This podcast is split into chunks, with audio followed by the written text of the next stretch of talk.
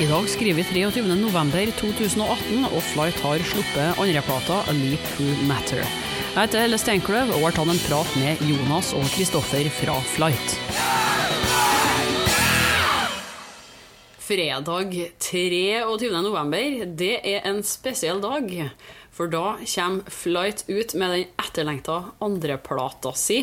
Og nå sitter jeg her sammen med Jonas og Kristoffer fra bandet. Hallo! Hei. Hei. Hvordan er formen på dere? Bra. Ganske avslappa. Veldig avslappa til å være en fredag. Spent, eh, spent på skiva som kommer nå eh, snart? Ja, jeg har hørt den, da. Så Ja, vet at den er bra. ja. Det er ikke så dårlig til å være et, eh, et band som nettopp har produsert ei plate og skal gi den til å være så sjølsikker på at det blir bra. Digg, da. Ja, vi har jobba mye med den, og for min del så har jeg, blitt fornøyd kanskje for første gang i livet mitt. Ikke helt, men det blir man sikkert aldri. Så, eh, men jeg er i hvert fall fornøyd, bortsett fra små detaljer her og der. Og det, det har jeg ikke vært før. Det, vi er spent på å høre den, eh, vi òg. Vi får jo dessverre ikke spilt noe sånt på en podkast her, men vi skal i hvert fall få folk til å bli frista til å høre den. Men vi må egentlig ta en presentasjonsrunde på dere, toene som sitter her, eh, før vi går inn i materien. For eh, den som hører, aner jo kanskje ikke hvem eh, du er, Kristoffer. Nei. Jeg er Kristoffer. Jeg jeg spiller gitar og synger i Flight. Det er kanskje greit å få med. Og ja, det var meg. Eh, Jonas spiller bass i Flight. Og ja. Vi har lagd mesteparten av tinga på skiva, i hvert fall. Fått litt innspill fra de andre. Uh, ja. For det er to medlemmer til i Flight, sant? Hvem er det? Kikkan og Krib. Fra sine respektive Mm. band. Trommer og gitar. Ja. Det er så mange Chris i bandet at alle må ha egne, egne navn. Ja. Ja, det er faktisk tre Chriser i bandet. ja. To Christian og en Kristoffer. Det er jo helt håpløst. Veldig kristent band. ja. Men kan vi gå tilbake til starten av eh, Flight? Hvordan eh, begynte det hele? Det, har jo gått en del år nå siden eh, dere tromma sammen i øvingslokalet for første gang.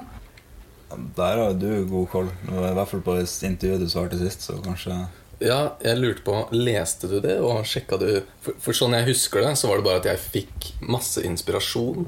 Ble litt gæren, og så ringte Jonas og Herman og så sa at nå har jeg så mye ting her at vi må lage et band. Og så husker jeg ikke noe mer.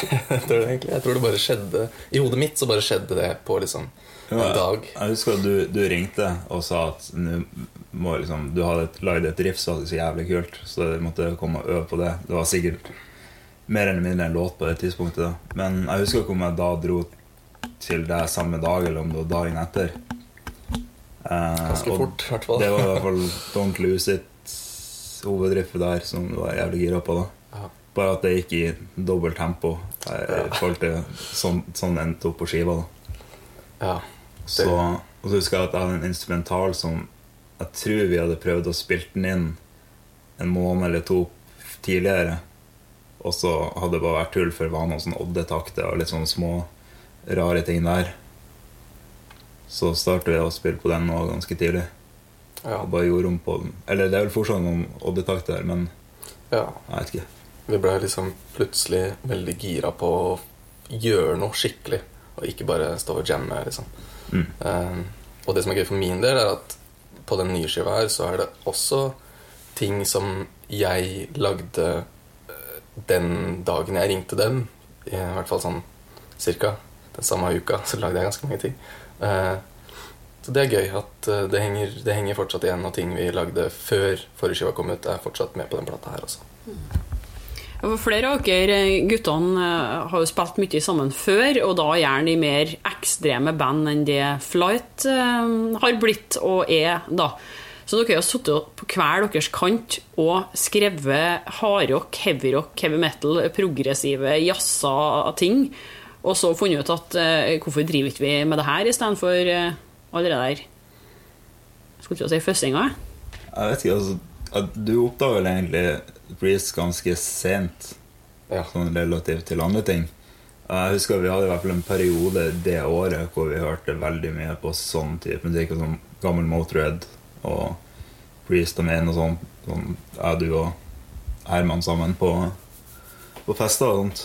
Så jeg tror det var liksom bare sånn at kortene hva skal jeg si, falt på plass. At det, det var bare sånn Det passa jævlig bra. Ja.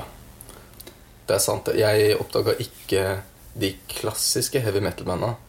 Begynte ikke jeg like skikkelig før jeg hadde hørt på mm, mye tyngre ting i mange år. Og så, og så etter hvert så innså jeg ca. samtidig da, hvor kult Motorhead var, og Judas Priest og Saxon og alle sånne ting. Eh, Det var en egen greie i hodet mitt. Jeg knakk en kode eller noe. Og så det var sikkert rundt den tida Flight begynte også, tenker jeg. Jeg ble skikkelig inspirert av det. Jeg mener at vi hadde en del kvelder på, eh, på Holte der vi hørte på sånn type musikk som leda opp til når vi starta, starta bandet. Ja. Men eh, det går ikke så fort med Flight, da, for eh, dere begynte å spille sammen og hadde allerede ganske mye låter ferdig i 2012. Men debutplata, som også het Flight, den kom først i 2015. Kan du si litt om den nå, før vi begynner å gå inn på nyskiva? Tok det så lang tid, ja. Vi, vi spilte en demo med nesten hele skiva i våren 2013, tror jeg. Rundt, rundt der. Jeg tror kanskje det ble gjort før Krib starta i bandet. Ja, det er sant. Og så venta vi ca. et år på å bare møte den perfekte vokalisten og bli et sånn band. Eh, Det skjedde ikke, så etter et år cirka så tok jeg tak i det og tenkte nå Vi møter ingen perfekte vokalister, så da Ja. Jeg husker Marius Hansen spurte om vi ville spille på Enga Jam. Tenkte at det kunne sikkert vært en kul ting å gjøre. Og så sa vi ja, men det var før Jeg tror det var til og med før du hadde funnet ut at du skulle synge, så da prøvde vi bare å finne ut Ja, men da prøver bare du, og så se hvordan Ja, det går. og så var det sånn Ja, en gang et bra sted å bare teste ut det, og hvis det går til helvete, så Ja. er det det. Men det var Ja. Det var nesten altså, Vi tenkte jo på det som det var et sted med nesten ingen folk som kjenner oss utenom de veldig gode vennene da, som ikke har noe å si om man driter seg ut foran uansett. Så det var egentlig bare en sånn helt fremmed gig ute til få publikum. Så fin måte å teste det på. ja. Da endte du jo plutselig opp som eh, vokalisten i Flight òg, da, Kristoffer. Ja, det er jeg veldig glad for. Eh, ikke fordi jeg er veldig flink, men fordi jeg har fått veldig mye ut av eh, å synge. Og, eh, og blitt bedre, selvfølgelig. Og det hadde jeg sikkert ikke blitt eh, Jeg hadde ikke tenkt på at jeg hadde lyst eh, Lyst til å synge i det hele tatt hvis det ikke hadde skjedd, sikkert. Så det hadde jo vært eh, kjipt for meg. Norge, i, I Norge er det jo ganske langt mellom dem som synger med ren vokal i heavyband òg, da. Det er greit nok at det var små opphopninger med band som aldri ble noe på 80-tallet, men sånn i dag eh, går man ikke bare ut og får tak i en fyr som synger rent. Det er stort sett eh, sånn halvdårlig eh, brøling det går i. Hva tror dere er grunnen til at det er blitt sånn det er her til lands? Nei, altså, vi er vel Hva heter det? Cursed? Hva er det norske ordet der? Forbanna? Forbanna med Janteloven.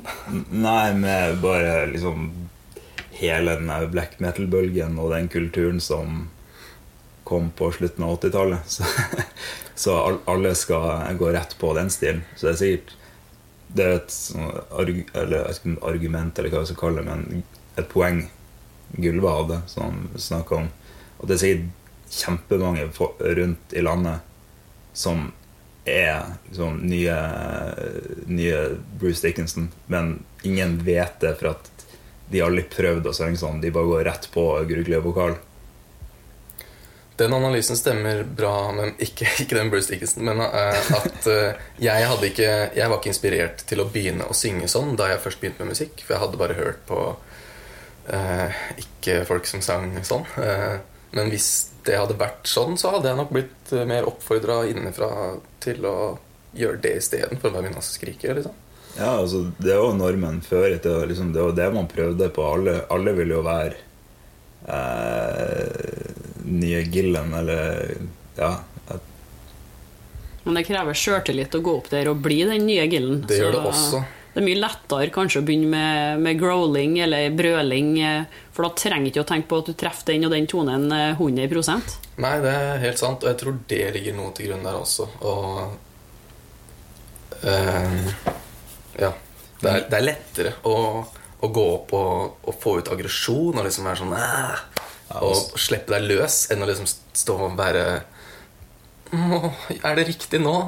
Altså så trenger du ikke ha noe god teft for melodi heller hvis du skal eh, synge et ekstremband, for vokalen har mer sånn perkussiv uh, rolle i bandet enn enn å være hovedmelodien. Men jeg vil si at lista ligger mye høyere i dag enn den gjorde på tidlig 80-tall for, altså for en heavy-vokalist. da jeg tror det er mye strengere nå og hvis du prøver. Og du vil liksom Bare hør på alle de kultbandene fra, fra 80-tallet. Veldig mange svenske de høres helt jævlig ut. Eh, men folk digger det. Så men jeg tror lista er mye høyere i dag, egentlig. Jeg tror ikke så mange som har kommet unna med det nå. Nei. Kanskje for at du blir sammenligna veldig mye med det som har vært, og det kan jo ikke Flight unngå heller, selv om dere er kanskje en sjeldenhet innenfor sjangeren i dag, med at dere lefler med sent 70-tall og tidlig 80-tall litt samtidig.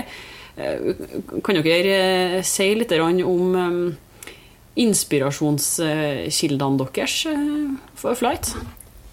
Du har en, sikkert en del interessant å prate om der. Altså, man har jo de, de helt åpenbare influensene, men de er kanskje ikke så veldig interessante å prate om heller. For at ja, liker du US Priest, så hører du elementer av det og i riffene våre, men det er kanskje alt rundt det som gjør Flight til Flight.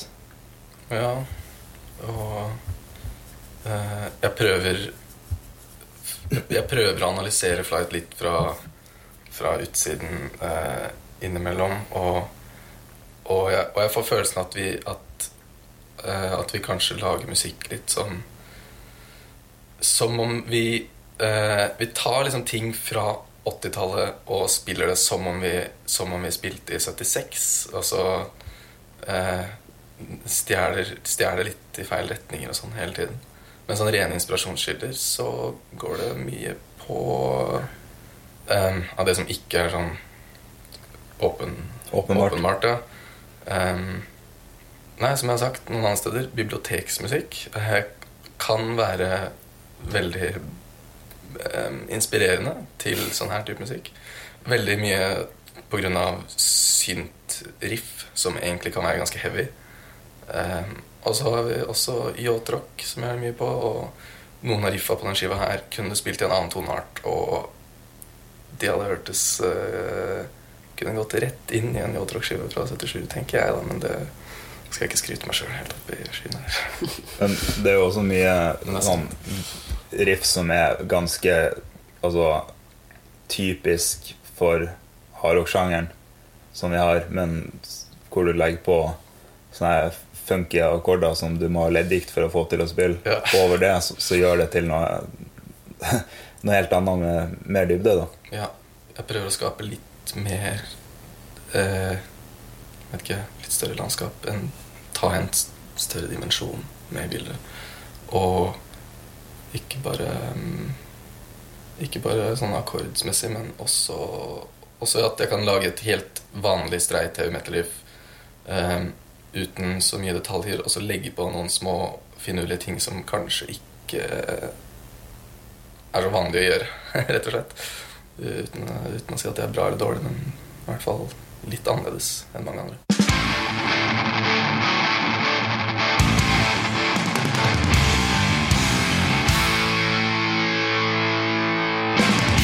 Den nye plata deres heter A Leap Through Matter. Og bare tittelen eh, gjør jo at en tenker at her er det forandringer fra den første plata. At dere har eh, tatt noen steg. Kan Kan dere fortelle litt eh, hvordan A Leap Through Matter eh, skiller seg fra eh, Flight, som kom i 2015? for min del så, så er det på mange områder. Jeg vet ikke om det høres så godt, men de, de fleste kommentarene vi har fått, går i hvert fall på det samme at um, det er forandring, og det er til det bedre. Eh, men akkurat hva er jeg ikke helt sikker. Eh, litt mer stilrent, eh, ikke så mye tull. Og bedre struktur, mer planlagt. Velg, ta, kanskje ta mer voksne valg når det gjelder skriving.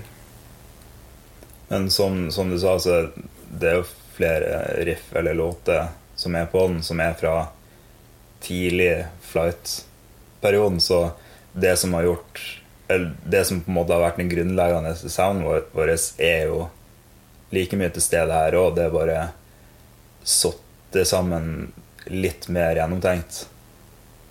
Og vi Jeg vil påstå at vi, vi har ikke vært redd for å liksom scratche veldig mye og bare starte på nytt. Og på en måte hele tida spørre spør oss sjøl om er det her bra nok. Bare ikke vær fornøyd bare for at du føler at det klaffer, men kom tilbake på neste øving, og så er det, er det her riktig å gjøre det. Eksempel en, en av de aller første låtene vi starta å øve på, på som, som, er på skiva her, er 'Traveler'. Eh, den sammen med 'Reviving Waves' var vel de to første låtene vi begynte å pusle litt på. Men 'Traveler' var også den siste låta som ble ferdig. Sikkert over to år etter vi begynte å, å øve på den. Og rett før den ble ferdig, så endra vi en del. Ja. så da var den helt annerledes enn den har vært før. Eh, mm. Så det var positivt. Til det bedre, syns jeg. Til det bedre. Og vi har ikke bare vært redde Nei, vi har ikke, hva var det du sa? Vi har ikke vært redde for å, for å bare ta vekk ting som ikke er bra, men samtidig ikke vært så redde for å være litt mer eh, Hva skal man si kreative eller eh, eh progressive. Ikke vært redd for å være det. Når vi skal være det, og så kanskje holde det til da, Altså ikke være så progressive ellers. Mm. Ja. ja. Men forsto jeg som at dere ble litt eh, utfordra i, i, studio. da. Dere spilte jo inn i Berserken Ninja Studios og var vel ganske streng, han eh, Salvador der òg, forsto jeg som? Ja, det var veldig, veldig positivt at han var så streng. For alle, syns jeg. så slapp jeg å være den hele tiden. Så det blei en, en, mer stemning hos alle, følte jeg at vi, vi gjorde det ordentlig. Og eh, ga oss ikke før det, før det blei eh, bra. Salva var veldig hjelpsom og flink. Bra fyr. ja, bra fyr.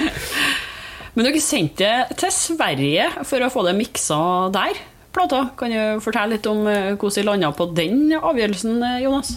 Uh, jeg husker ikke helt hvordan det falt sammen, men jeg har, har jo snakka en del med Jamie, uh, Jamie Elton, som uh, miksa masterskiva. Og han hadde tidligere også gjort uh, Force, så er muligens på grunn av det.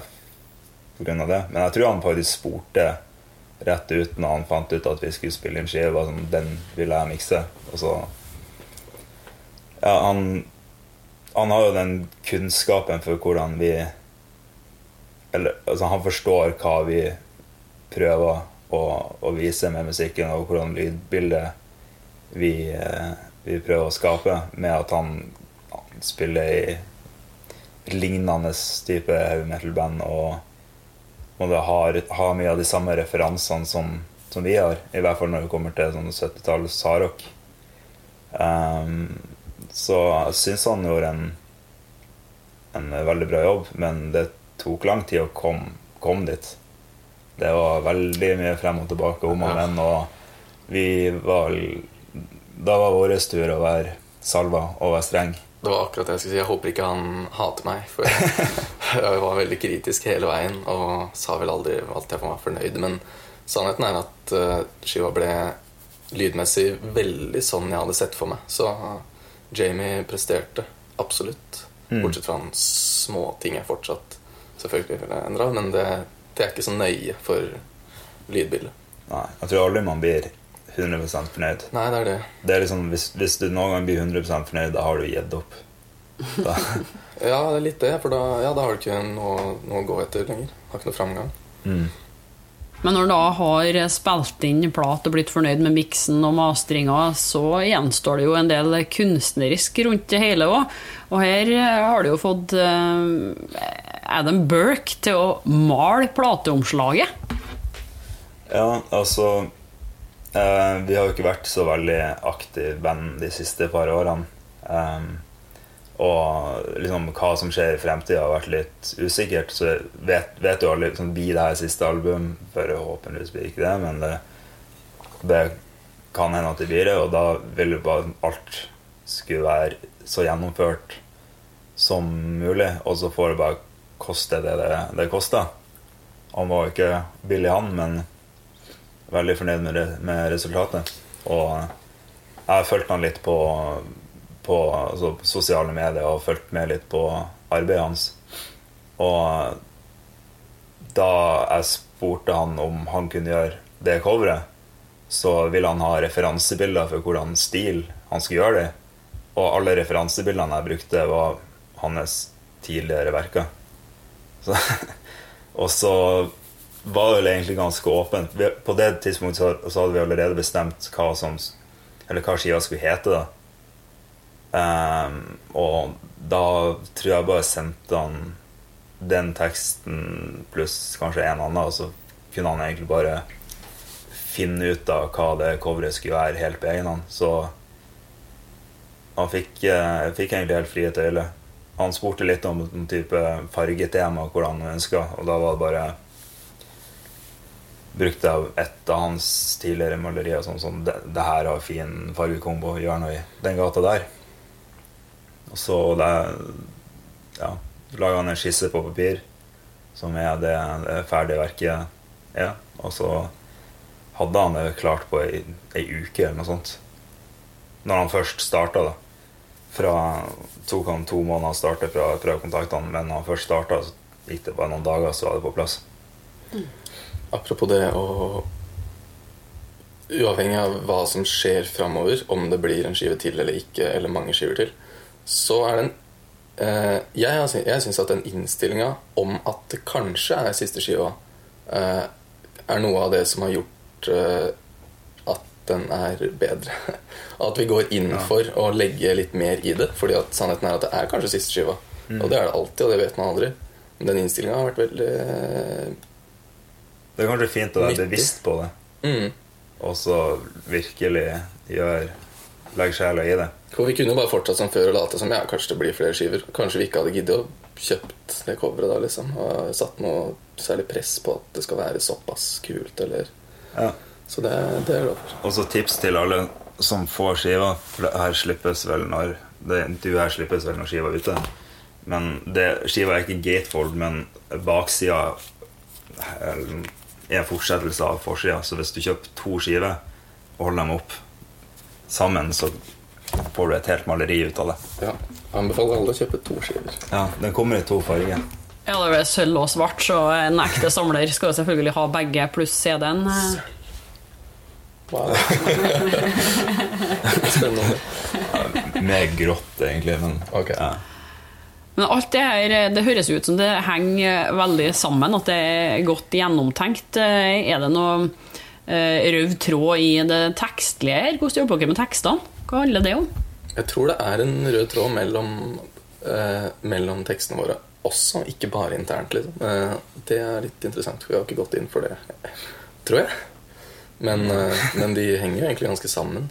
Men eh, Jeg vet ikke, altså vi, ja, Du har jo skrevet flesteparten av tekstene, så det kan ikke jeg prate om. Men for min del, jeg, jeg føler at de passer godt overens, de jeg har skrevet, og de du har skrevet. Men jeg vet ikke om det, det er ikke noe planlagt rød tråd, i hvert fall.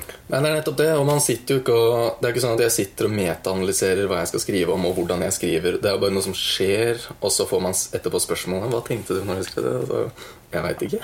det bare skjedde. Og så passer det tilfeldigvis ganske bra med oss to, i hvert fall. Ja, også fra tidligere intervjuer som vi har gjort for den skiva her nå, så virker det som at alle tror at vi er et science fiction-band.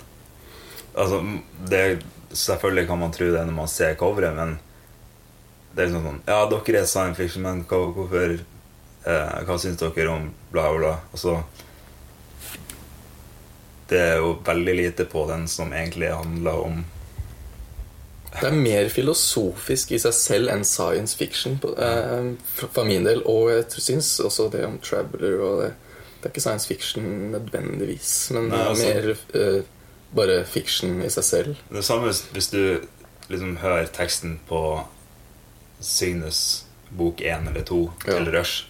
Det handler jo altså Signes er jo et sort hull. Men altså, det er jo bare en filosofisk tekst. hele greia.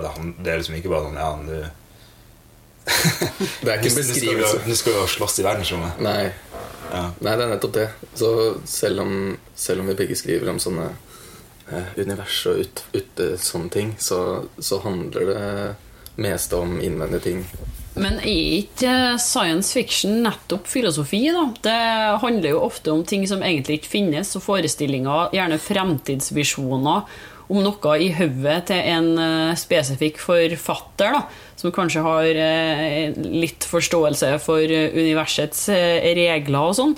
Så filosofi og science fiction det går hånd i hånd. Ja, det gjør det. Jeg tror den forskjellen Jonas prøvde å beskrive, var at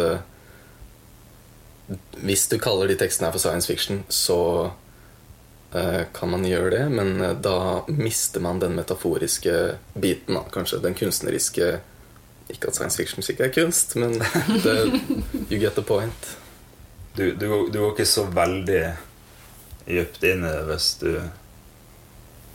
ja, stopper med å kalle det science fiction. Det handler ikke om å lage et romskip og dra et sted. Ja. Det, er, eh, det er ikke sånn teksten er. Men ja. Så det blir forskjellen. Altså. Men ja, det er ikke vits i å forklare. Altså, det får folk som er interessert, uh, gjøre sin egen mening om. Ja.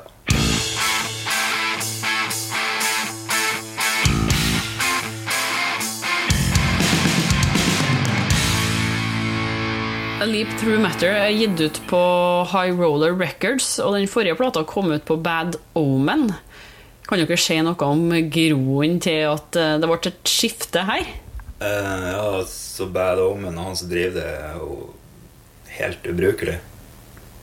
Uh, har egentlig ingen positive ting å si om den saken der, men det er jo kanskje ganske typisk for band å ha vært igjennom en sånn runde med med Surr. ja, og ubrukelig eh, plateselskap. Men eh, En advarsel til andre band kanskje som vurderer å signere med Bad? Jeg vet ikke, altså Han har jo et par sånn jeg vet ikke hva jeg skal kalle kompisband på labelet sitt som virker som de trives veldig godt der. Satan Satters og Ah, Jeg skal spille Spill Ja, Witch Hazel, ja. De eh, har jo til og med gjort en ny skive med han. Så da er de vel fornøyd. Så eh, det kan hende han driver bra med de han de han velger å drive bra, men vi har ikke hatt noen positiv opplevelse der. Så tok det videre. Og skiva, første skiva solgte ut fra distributøren eh, innen 16 eller 18 måneder rundt der, så litt over et, et år. Eh, og det, det her var for to år siden. Og fortsatt ikke kommet en repress. Han er ikke interessert i å gjøre en repress heller. Har han svart i det hele tatt på mail? Uh, ja, altså blant annet det. Han svarer på mail. Uh, det var en periode på 14 måneder hvor jeg ikke fikk, eller, ja, fikk kontakt med han i det hele tatt. På e-post, telefon, sosiale medier, fysisk brev. Og det er en veldig uprofesjonell måte å drive på. Eh, men uansett, altså, den skiva er jo aldri gitt ut på nytt. Men kontrakt, den kontrakten vi gjorde med han, gjør at fem år etter slippdato på skiva, så er er på en måte den, hans eierforhold av den over. Så da kan vi få High Roller hvis de er interessert i en represse da, eller så kan vi bare gjøre en selvfinansiert repress hvis det skulle være tilfellet. Men for eksempel, det er jo veldig mange som skriver og spør om den skiva. Seriøst? Jeg visste ikke at den, er, at den er utsolgt, og vi ikke får lov til å trykke den. Uh, ja, hvis den skal trykkes inn For den, han har liksom de rettighetene i fem år.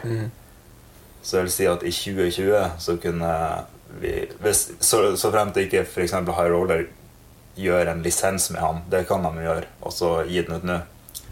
Men det, er, ikke- ja, men det er ikke sikkert han er interessert i det.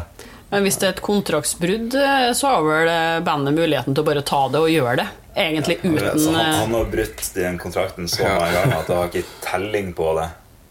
Han, han har allerede brutt kontrakten før skiva var ute. Um, Det er sant. mm. men, så, men har jo egentlig lyst til å ha bort på det tørre og ikke gjøre en sånn greie før vi faktisk Altså, vi trenger, trenger ikke være drittsekker bare for at han er det. Hør og lær eh, småttiser som eh, skal starte band. Men dere har kommet på high roller nå, da, i hvert fall. Vi, vi burde jo skjønne tegningene når eh, plateselskapet heter det det het- heter. Men uh, high Roller har vært uh, en fryd. De uh, Altså, send dem en e-post en fredagskveld, så svarer de liksom inn- innenfor to timer av og til, så det er jo veldig greit å forholde seg til. Men For et jævlig bra plateselskap som svarer. Ja, gjør det de gjør, og holder holde seg til datoer, og eh, bare Det flyter flyt fint. Jepp. det liker vi. Men det store spørsmålet her nå eh, Flight, eh, ja, det har ikke vært noe mye aktivitet i det siste. Men det har jo vært frykta at dere aldri mer skulle spille eh, live. Blir det noen konsert i forbindelse med albumslipperen nå snart? Ja, vi håper det. Vi skal prøve.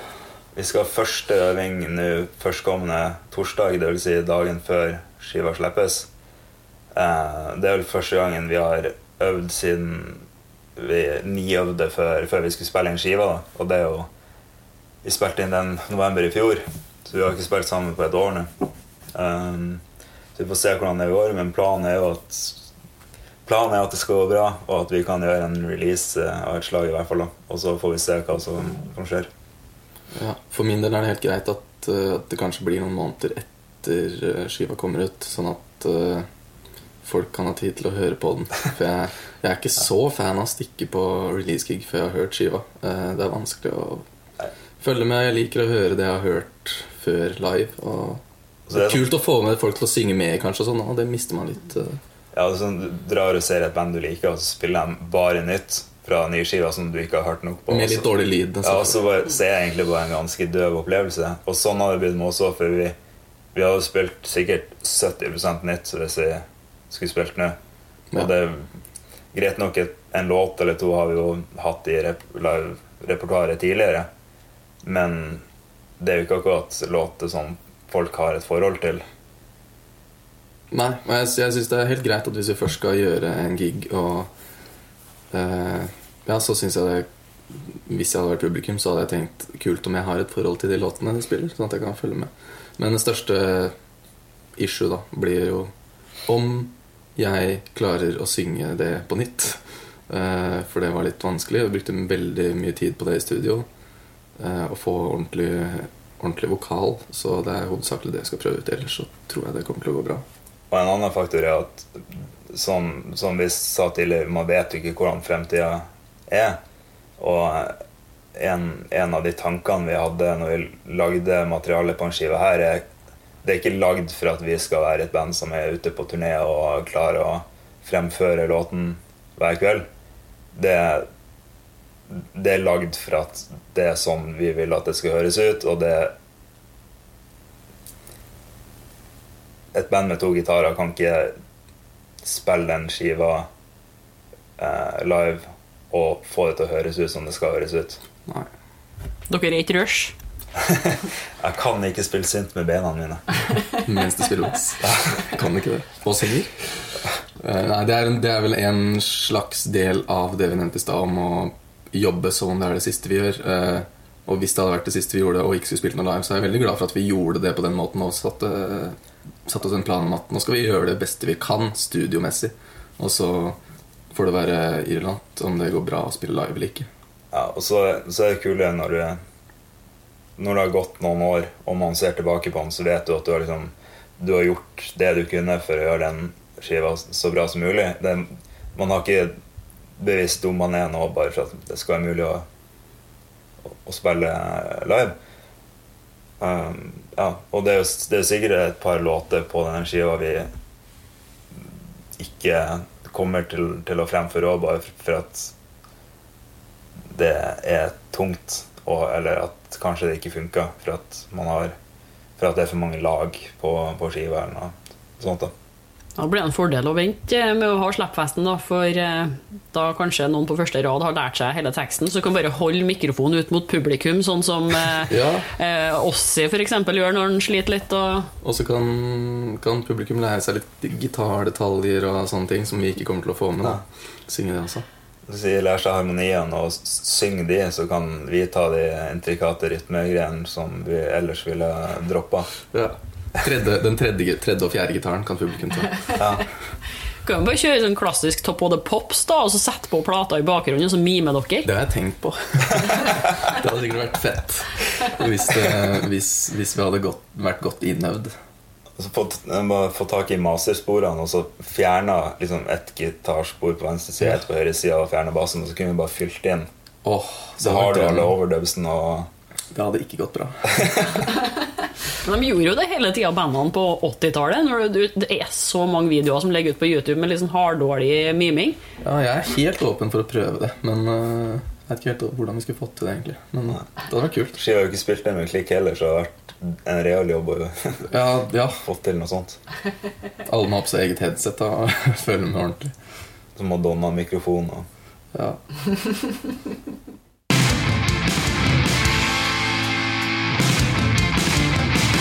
Altså, nå har jo dette kanskje vært et av de eh, mest seriøse intervjuene jeg har gjort på lang tid. Og det er overraskende i og med at dette er jo det første intervjuet som gjennomføres i kjellerstua eh, mi.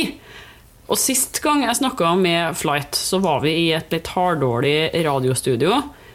Eh, Det var stort sett dere toene som snakka da òg, mens gitarist Krib sto i døråpningen med latterkrampe, for han syntes at det var, det, det var så komisk at dere snakka inn i mikrofoner at det harde kunne vært nok. Og Inn fnising her. ja. Så bare den fliringa i bakgrunnen gjorde at det ble en egen sjarm over det. Men eh, vi er jo nødt til å få inn noen eh, morsomheter her òg. Dere kan ikke bare være historiens mest seriøse band. Og dere Jeg har- kan godt jeg, Det er greit for meg. ikke rett fra å være det. Eh, Men altså, dere har jo spilt litt grann rundt eh, sånn, etter den første plata kom ut, og mm, på Muskelrock så ble dere jo tatt med i en liten dokumentarfilm, Jonas. Ja, det kom en fyr med horisontcaps og spurte om vi ville eh, gjøre et intervju eh, som skulle filmes etter konserten. Og sånn, ja, fint nok det. Men Kristoffer skulle da spille med Black Magic rett etter vi var ferdige, og hadde jeg tror fem eller ti minutter på å komme seg opp i, i teltet og eh, bytte kostyme og eh, instrument. Så det var vel jeg og Kikkan som gjorde det intervjuet. Kribb var ikke med på den konserten, for han har eksamen. Så Arild fra Nekromanton stilte opp for, for oss da og gjorde en suveren jobb. Han, han var vel Han miksa vel første skiva, tror jeg. Eller var han produsent, eller miksa han?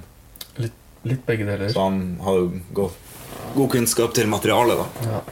Men uansett, vi, så spilte vi den konserten av Muskeløk og gjorde et intervju. Det tok sikkert fem eller ti minutter, så var det over. Og så plutselig, halvår etter eller et år etter, så var det en, en, en film.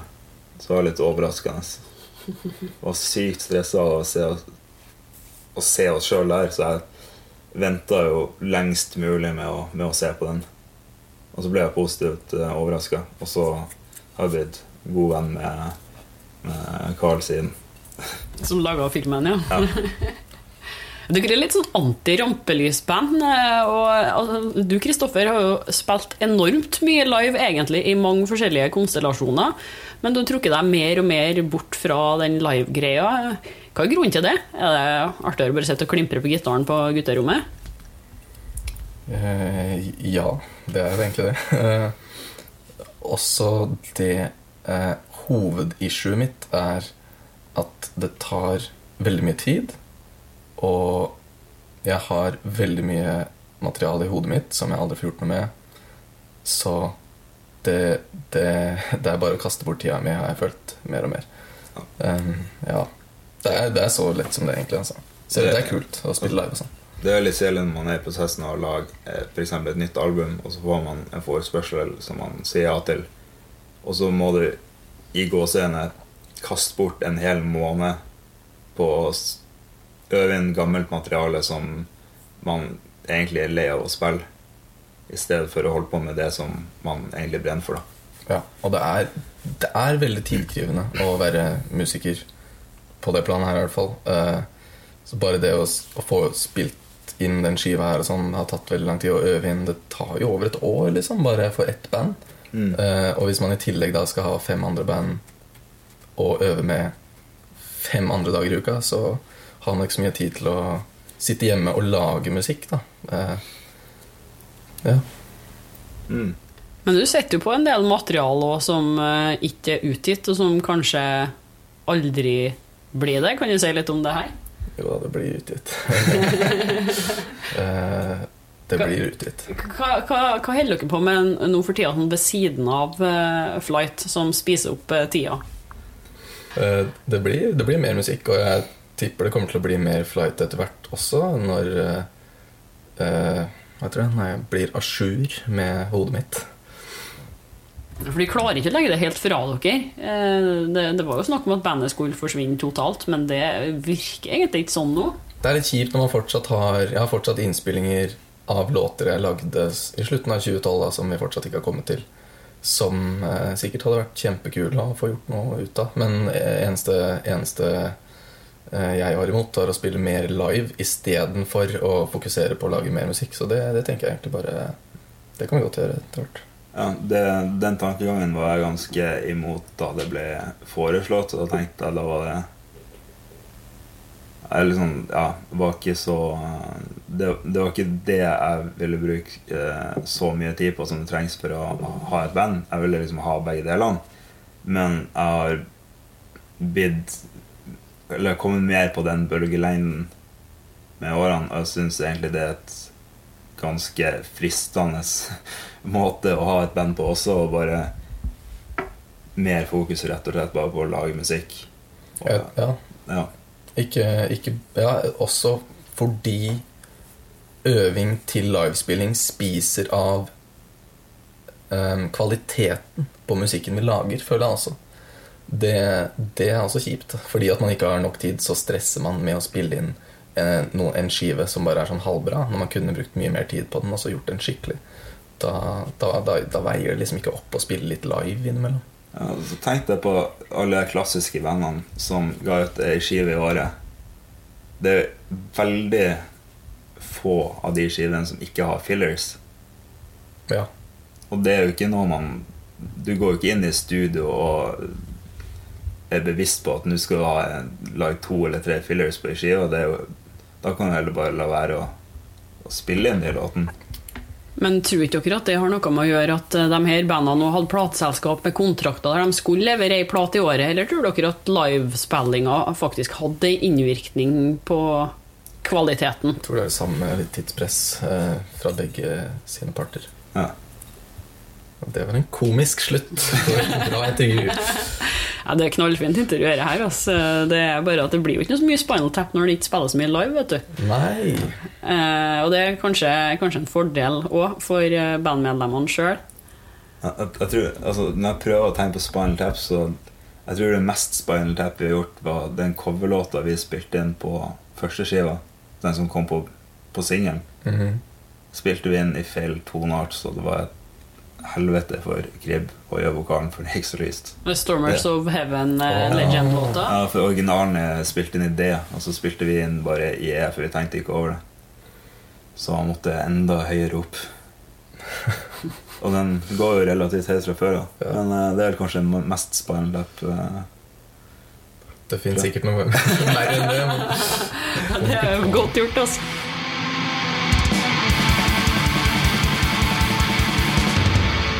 Men eh, hvis, hvis vi skal runde av her, så eh, nevnte dere eh, før intervjuet at i stedet for å komme med enkeltlåter til ei spilleliste, så ville dere heller lage ei samling med album som folk kunne sette seg ned og lytte til. Skulle vi ha laga ei sånn liste? eh, midtseksjonen i Reviving Waves er på en måte vårt rush-parti. Og når det ble skapt Det er vel en av de få tingene vi har jamma frem som band, og ikke bare kommet til øvingslokalet med ferdigskrevet. Uh, og det var rett og slett bare sånn Ja, nå skal vi lage et Rush-parti. Og så ble det det. Ja, så ble det. skikkelig det. Så da vil jeg anbefale Rush og da, da Hemispheres. Ja. Ja. Uh, og den eh, Grace Under Pressure. Ja, jeg, har blitt, jeg var veldig inspirert eh, til det.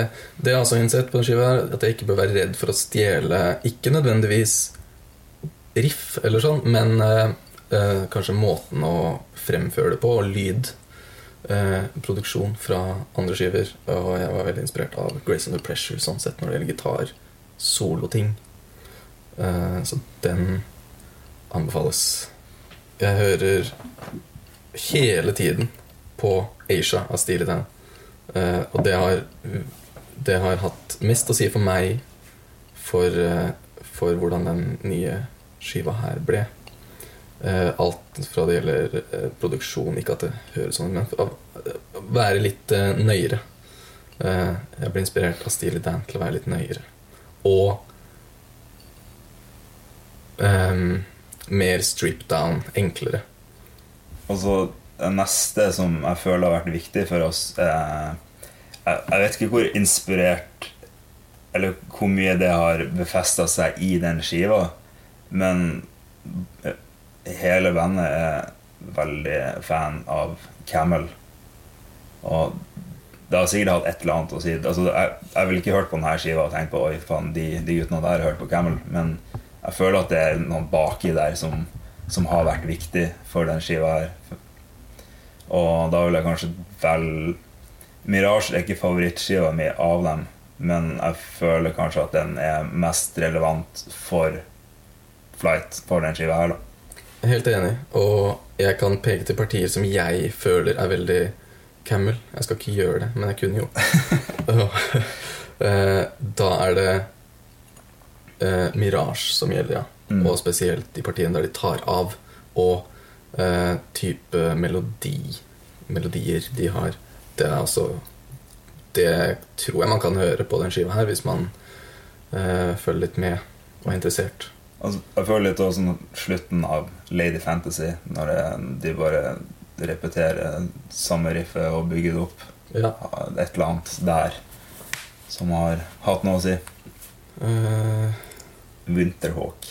Selvfølgelig, det var det jeg skulle si. At, eh, at uh, jeg har Flere har kommentert, som har hørt skiva allerede, at, uh, at det er uh, veldig Winterhawk Warship her og der. Og jeg kan i hvert fall si at jeg har ikke Ingen av mine partier som er lagd her, som høres ut som det er Winterhawk, er lagd etter at jeg hørte Winterhawk, for jeg oppdaga det ganske sent.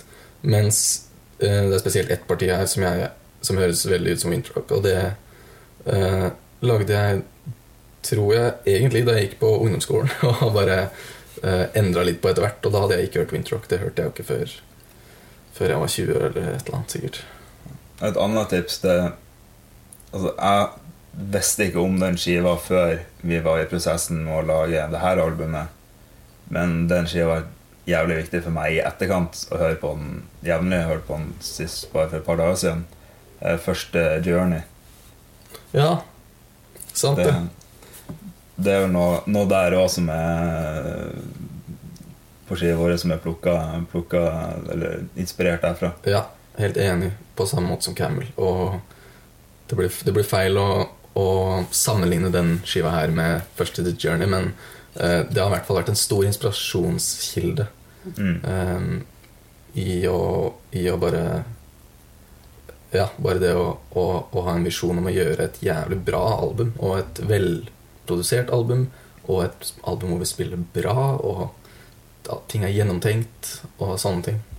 Men når det her eh, intervjuet kommer ut den 23. november, så er òg plata deres 'A Leap Through Matter' tilgjengelig. Eh, hvor kan folk få tak i den? Um, High Roller og alle platesjappene med respekt for seg sjøl. Den, I motsetning til forrige skive så tror jeg ikke denne blir noe problem for nordmenn å få tak i. Uh, ja. Så vil High Roller er vel hovedkilden, men jeg tipper de har veldig bra distribusjonsnettverk. Uh, jeg så forresten at CD-ON har en sånn forhåndssalg på skiva. Der den bare koster 499 kroner. Oi, Så hvis- løp! Så hvis du har lyst til å kaste bort hele ukelønna di på skiva, så dra dit. Hva skjer med CD og nå? er det helt sykt dyrt. Ja, nei, det er galskap. Yes. Uh, vi har noen kopier til salgs, men jeg lurer på om vi holder dem litt i bakhånd hvis det blir noe release. Så er det ok å kunne ha i skiva selv, selv om vi håper at eh, de som kommer der, allerede har den. Da er det bare å sette seg hjem og høre på Flights A Leap Through Matter. Lære seg alle tekstene, sånn at eh, de kan ha en slippfest og spille alle låtene for oss eh, snart. Og gjerne de lyseste gitarmelodiene, sånn at, fordi vi ikke har to, tre, fire gitarer som vi egentlig burde hatt. Ja, så, så øv på gitar òg, for det trengs i hvert fall to gitarister til på scenen eh, når det her skjer. Jeg tenkte på at vi kunne hatt med Arild hvis han hadde vært hypp. da, Det hadde vært kult, men da er det sånn Ok, Arild, du kommer inn etter 2.50 i den låta her, og så spiller du én liten ting, og så kan du gå av scenen. Det blir litt rart. Eller kunne vi fått tak i Janet Gears, for han er jo helt overflødig i Iron Maiden. Og så kunne han komme nå Ja, og vært tredjegitaristen vår. lurt. Høres ut som en plan. Da må jeg bare takke for eh, tida deres og ønske lykke til med slippet nå. Jeg sikra meg ei plat, og det er konkurranse på Jernverkets Facebook-side der du i dag har siste sjanse til å snappe med deg en eh, utgave. Kanskje du har flaks. Sjøl takk. Har vi, solgt, har vi solgt skiva bra nok, føler du nå? Ja. ja. Snakka den opp i skyene. Det er bra. Du har hørt et intervju med Flight her på Jernverket podkast. Spillelista deres ligger på jernverket.com. I snakkende stund slipper òg Obliteration ny plat. Den har fått navnet Cenotaph Obscure, og jeg har allerede snakka med guttene. Han så vel Blood Tsunami et eller annet sted og sånn, og var hypp på å få med seg en litt ting, og da covra vi Black Death av Repulsion, og så spilte vi feil. Mens han var der på et alkoholfritt eh, arrangement eh, på Kolbotn. Kron på verket. Ja. Intervjuet med Obliteration ligger allerede ut, så det kan du høre på nå. Abonner på Jernverket podkast med det samme, enten via podkastapp eller på jernverket.com. Husk på å følge Jernverket på Instagram og Facebook òg. Nå kan du vinne den siste plata til Flight, månedens Fra Katakomben og billetter til konsert med Jævelkult og Skaur. Jeg heter Helle Steinkløv, og jeg serverer et nytt eller gammelt hardrockintervju hver fredag. Hvis du liker å høre, legg igjen ei trivelig anmeldelse, så blir jeg glad. Tudelu!